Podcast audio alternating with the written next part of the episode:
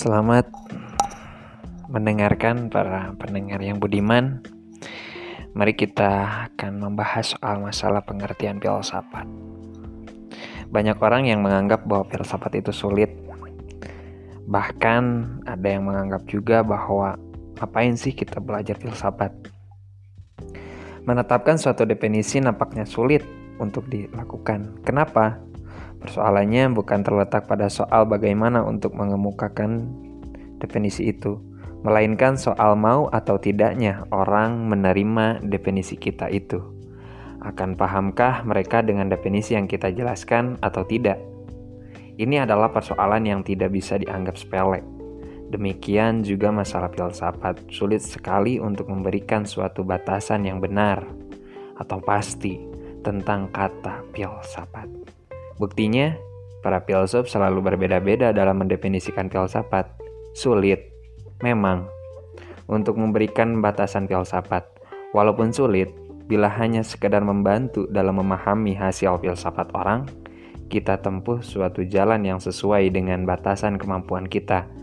Posisi kita sekarang ini bukanlah seorang filsuf, melainkan hanya sebagai orang yang sedang belajar filsafat. Kita sedang belajar tentang bagaimana orang berfilsafat. Oleh sebab itu, dalam mendefinisikan filsafat, kita akan mencoba memahami melalui pengertian etimologis yang artinya bahasa dan terminologis yang artinya istilah. Filsafat diambil dari bahasa Arab, falsafah, berasal dari bahasa Yunani, filosofia, kata majemuk yang terdiri dari kata filos yang artinya cinta atau suka dan kata sofia yang artinya bijaksana. Dengan demikian, secara etimologis kata filsafat memberikan pengertian cinta kebijaksanaan. Orangnya disebut filosofer atau filosof. Secara terminologis, filsafat mempunyai arti yang bermacam-macam sebanyak orang yang memberikan pengertian atau batasan. Seperti halnya Plato. Ia seorang filsuf Yunani terkenal, gurunya Aristoteles. Ia sendiri berguru kepada Socrates. Ia mengatakan bahwa filsafat adalah pengetahuan tentang segala yang ada, ilmu yang berminat untuk mencapai kebenaran yang asli. Aristoteles mengatakan bahwa filsafat adalah ilmu yang meliputi kebenaran yang terkandung di dalamnya, ilmu-ilmu metafisika, logika, etika, ekonomi, politik, dan estetika. Ada pula tokoh filsafat yang bernama Marcus Tullius Cicero, seorang politikus dan ahli pidato Romawi berumuskan filsafat sebagai pengetahuan tentang seseorang yang maha agung dan usaha-usaha untuk mencapainya. Ada juga filsafat timur yang namanya Al-Farabi, seorang filsuf muslim mengatakan bahwa filsafat adalah ilmu pengetahuan tentang alam maujud dan bertujuan menyelidiki hakikat yang sebenarnya.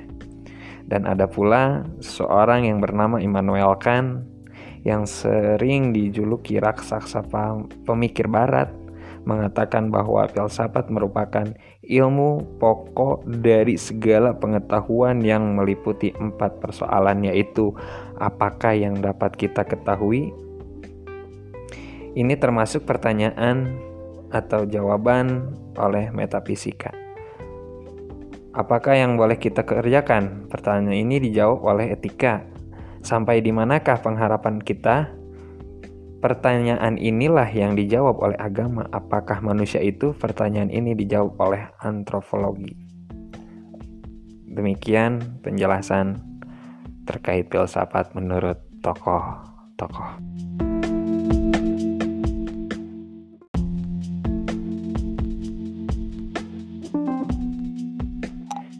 Selamat mendengarkan para pendengar yang budiman.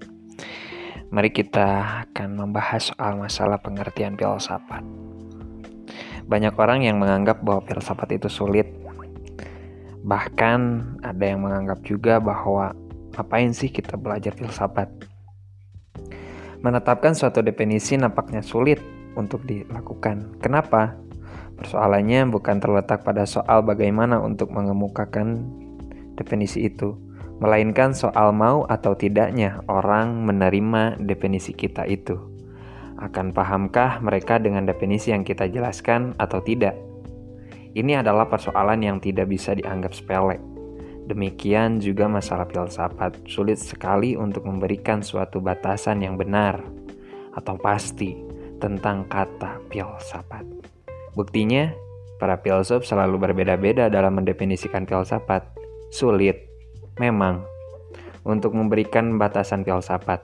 Walaupun sulit, bila hanya sekedar membantu dalam memahami hasil filsafat orang, kita tempuh suatu jalan yang sesuai dengan batasan kemampuan kita. Posisi kita sekarang ini bukanlah seorang filsuf, melainkan hanya sebagai orang yang sedang belajar filsafat.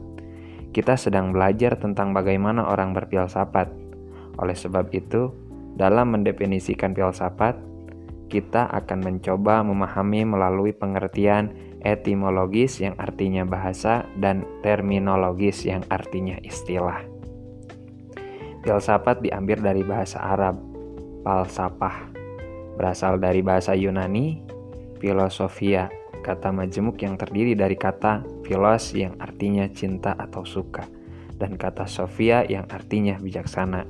Dengan demikian, secara etimologis kata filsafat memberikan pengertian cinta kebijaksanaan. Orangnya disebut filosofer atau filosof. Secara terminologis, filsafat mempunyai arti yang bermacam-macam sebanyak orang yang memberikan pengertian atau batasan. Seperti halnya Plato. Ia seorang filsuf Yunani terkenal, gurunya Aristoteles. Ia sendiri berguru kepada Socrates. Ia mengatakan bahwa filsafat adalah pengetahuan tentang segala yang ada, ilmu yang berminat untuk mencapai kebenaran yang asli. Aristoteles mengatakan bahwa filsafat adalah ilmu yang meliputi kebenaran yang terkandung di dalamnya, ilmu-ilmu metafisika, logika, etika, ekonomi, politik, dan estetika. Ada pula tokoh filsafat yang bernama Marcus Tullius Cicero, seorang politikus dan ahli pidato Romawi, merumuskan filsafat sebagai pengetahuan tentang seseorang yang maha agung dan usaha-usaha untuk mencapainya. Ada juga filsafat timur yang namanya Al-Farabi, seorang filsuf muslim mengatakan bahwa filsafat adalah ilmu pengetahuan tentang alam maujud dan bertujuan menyelidiki hakikat yang sebenarnya. Dan ada pula seorang yang bernama Immanuel Kant yang sering dijuluki raksasa pemikir barat mengatakan bahwa filsafat merupakan ilmu pokok dari segala pengetahuan yang meliputi empat persoalan yaitu apakah yang dapat kita ketahui ini termasuk pertanyaan atau jawaban oleh metafisika apakah yang boleh kita kerjakan pertanyaan ini dijawab oleh etika Sampai di manakah pengharapan kita? Pertanyaan inilah yang dijawab oleh agama. Apakah manusia itu? Pertanyaan ini dijawab oleh antropologi. Demikian penjelasan terkait filsafat menurut tokoh-tokoh.